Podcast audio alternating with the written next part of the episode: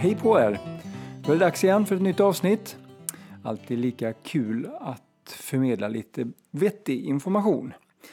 Eh, idag när jag står här eh, så är det 30 grader varmt ute och det blåser åt alla möjliga håll och kanter men det är jätteskönt.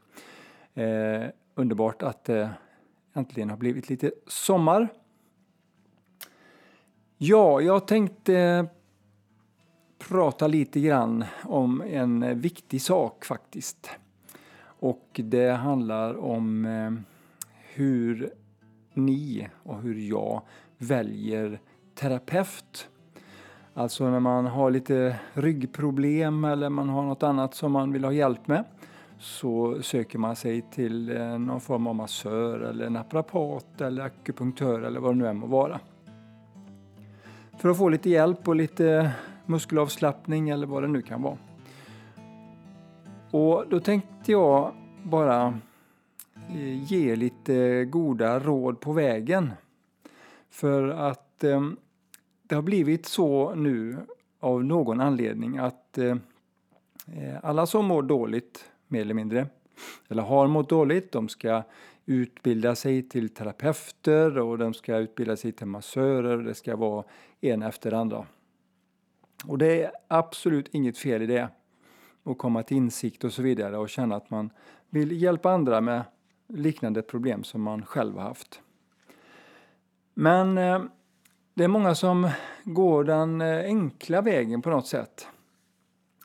Och ni ska vara väldigt uppmärksamma på eh, vem ni går till, inte som person som sådant. Eller man kanske känner någon som är massör och är jätteduktig. Eh, det är väl helt okej okay då att man håller sig liksom inom bekantskapskretsen eller familjen och så vidare. Och ger lite mm, bra massage och så vidare. Men när man börjar ta betalt för saker och ting, då gäller det att ha på fötterna. Eh, jag har ju själv jobbat då i 19 år och eh, det första jag gjorde egentligen eh, innan jag gick ut och började ta betalt alls, det var att eh, gå med i ett eh, förbund. Och det här förbundet som jag är medlem i sedan många herrans år tillbaka, det heter eh, Kroppsterapeuternas yrkesförbund. Och de ska se till att eh, eh, vi har ett stöd. Vi kan fråga en massa saker om regler och ja, hur vi ska förhålla oss till, alltså etiskt, hur vi ska bemöta kunder och de har träffar och de har utställningar och det är mässor och allt möjligt sånt där jättebra grejer och kan tillhandahålla det mesta för en, en massageterapeut eller massör då.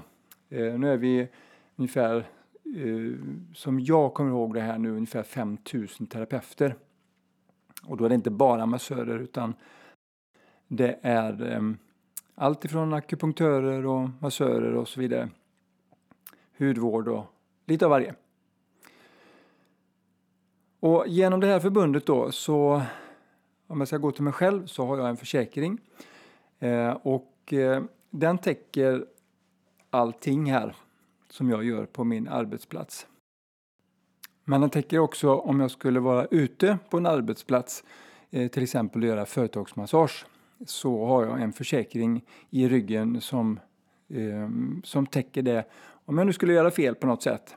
Men det räcker att eh, kunden tar sig upp på bänken till exempel eh, och sen händer det någonting där man tappar balansen eller något annat och slår sig ordentligt på något sätt så har jag en försäkring som täcker detta då så man behöver aldrig vara orolig på något sätt när man är här eller att jag är ute och gör behandlingar.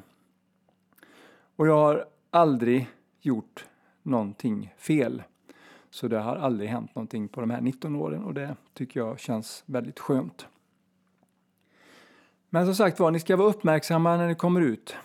Eh, det är jätteskönt med massage och det är bra med massage. Men personen som gör detta måste ha ett litet tänk om ansvar. Eh, jag har sett många som eh, lägger ut annonser på Facebook och så vidare. Men även andra eh, terapeuter ute. Och där ser man då ett pris då, om vi ska gå in på de här kostnaderna. Så är det en del som tar kanske 250-300 kronor för 45 minuter eller till och med en timme. Eh, och då, nu pratar jag massage då, så vanlig kroppsmassage då. Och när det börjar Eh, komma ner på de här summorna, 250-300 kronor, måste man liksom tänka lite grann. Okej, okay, först och främst, kan personen leva på det? Ofta är det ju inte så. Eh, för det är ju nästan, eh, nästan till omöjligt att leva på 250 kronor per kund. Ofta har de sin praktik hemma. De har en bänk i vardagsrummet eller nere i en källarlokal eller något annat. Då. Och det finns ofta då inga som helst intyg på Eh, försäkringar som hänger på väggen eller att man är massör eller utbildad eller är med i något förbund eller sånt där. Att personen har ett eh, massagediplom där det står massör och sen är det ett diplom. Det kanske sitter ett sånt på väggen. Men det finns inga garantier överhuvudtaget bakom det lilla pappret som sitter där.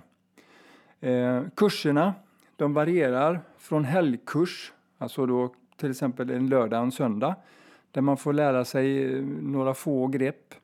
Mm, man får lära sig lite grann vad musklerna heter eh, och man får en lite, lite, lite hum om hur kroppen fungerar i det stora hela. Om man nu inte har någon eh, erfarenhet själv då. Men det krävs ingen erfarenhet på de här kurserna utan det kan man gå en helgkurs och sen kan man då massera familjen. Bara familjen. Ingen annan. Du kan inte ta betalt för det arbete du gör om en person kommer utifrån helt, eh, helt random bara och ringer och frågar eh, om du har någon tid. Du får inte göra det enligt mig. Du behöver ha en försäkring. Så kolla när ni kommer dit. Kolla innan eh, ni överhuvudtaget bestämmer en tid med den här personen. Eh, om de har någon eh, Eh, någon recension på sin hemsida, om de har en hemsida. Eh, vad står det på hemsidan? Hur berättar de eh, vem de är och vad de har gjort? Har de lång erfarenhet? Började de igår? Eller och så vidare. Va? Så det, det, är väldigt viktigt att ha den bilden innan man tar massage. Sen finns det de personerna som har lite längre utbildning då, så att jag sa att de här kan variera från en helgkurs upp till en vecka till exempel. Och sen finns det då eh, sådana utbildningar som jag har gått som är över ett halvår och sen bygger man på efterhand då. Eh, vad man nu är intresserad utav. Du ska kolla eh, om det finns några certifikat, det ska vara eh, försäkringar, det ska handla om eh, vad det är för sorts kurs, vilket, eh, vilken skola de har gått på. Den här skolan måste vara godkänd för att du ska få praktisera. Och när vi pratar pris då, jag sa de här 200-300 kronorna, det är ju som sagt var det är ju fortfarande helt omöjligt att leva på de pengarna. Eh, och vårt förbund manar ju på oss att vi ska faktiskt ta betalt för det arbete vi gör. Och eh, det är jättebra tycker jag, för att det höjer statusen på allting då. Men bekymret här då, det finns, då finns det de som eh, tar 500-600 kronor för massage. Och så tittar man på deras certifikat eller något annat de har, då står det till exempel friskvårdsmassör eller ja, massa, massagekurs genomgången och hej och det är lite diplom och så vidare. Eh, men sen har de valt då, antingen är de snåla om man nu ska hårdra det, eh, eller också kör de bara på lite hej och hå.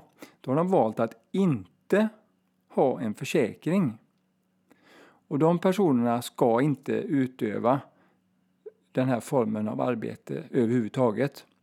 Det går inte att klara sig eh, om man skulle göra ett misstag. Vi har ingen aning om eh, när det händer. Och man kan vara trött en dag, man kan vara lite disträ eller vad man eh, någon gång kan göra lite fel. Det är ju så i alla yrken på något sätt. Man fumlar och man har sig och tappar grejer och eh, sådana här saker. Men när man jobbar med människor så får det inte gå fel. Ser du en person, eh, du behöver ha massage säger vi och så ringer du och kollar. Fråga, fråga, fråga, fråga om allting innan du bokar någonting. Gå in och kolla som sagt var på alla eh, uppgifter som finns och, och så vidare. Eh, har de ingen försäkring alls, gå inte dit. Sen de ska inte ta 5, 6, 700 kronor för en massagebehandling om de inte är försäkrade. Det är eh, min mening och eh, eh vårt förbund då som står bakom alla de här sakerna. De kollar ju av hela tiden så att eh, vi har en ren marknad helt enkelt så att det fungerar på ett bra sätt. Så tänk på det, det finns ingen som klarar sig. Det kostar tusentals kronor om man råkar göra någonting tokigt. Då. Så att har du då ingen försäkring så ska du inte anlita den här personen. Jag pratar massage och sådana här saker nu. Ehm, det är den biten jag kan då, även naprapat och så vidare. Men de är ju ofta då enligt Socialstyrelsen legitimerade. Så att de har ju eh, sitt ehm, eh, vad ska man säga, skyddsnät där då. Så att titta på det. Är det för billigt? Nej, nej, nej. Gå inte dit. Eh, och har de då en summa som ligger nära den som till exempel jag har då när jag masserar eh, men att de inte har en försäkring, gå inte dit heller. Det finns ingen anledning att utsätta sig för den faran då, som man faktiskt gör. Och jag förstår inte den personen som väljer att ta kunder utifrån och sen då inte ha någon form av försäkring eller livlina överhuvudtaget. Eh, har du då inte så där lång erfarenhet eller har inte tillräckligt med utbildning heller då och det kommer in en person med lite svårare saker som man egentligen inte förstår. Man vet lite grann kanske hur det hänger ihop. Man har hört vissa ord på sjukdomar och man har hört eh, ja, sådana här termer och så vidare. Men du har ingen aning om hur det funkar i praktiken.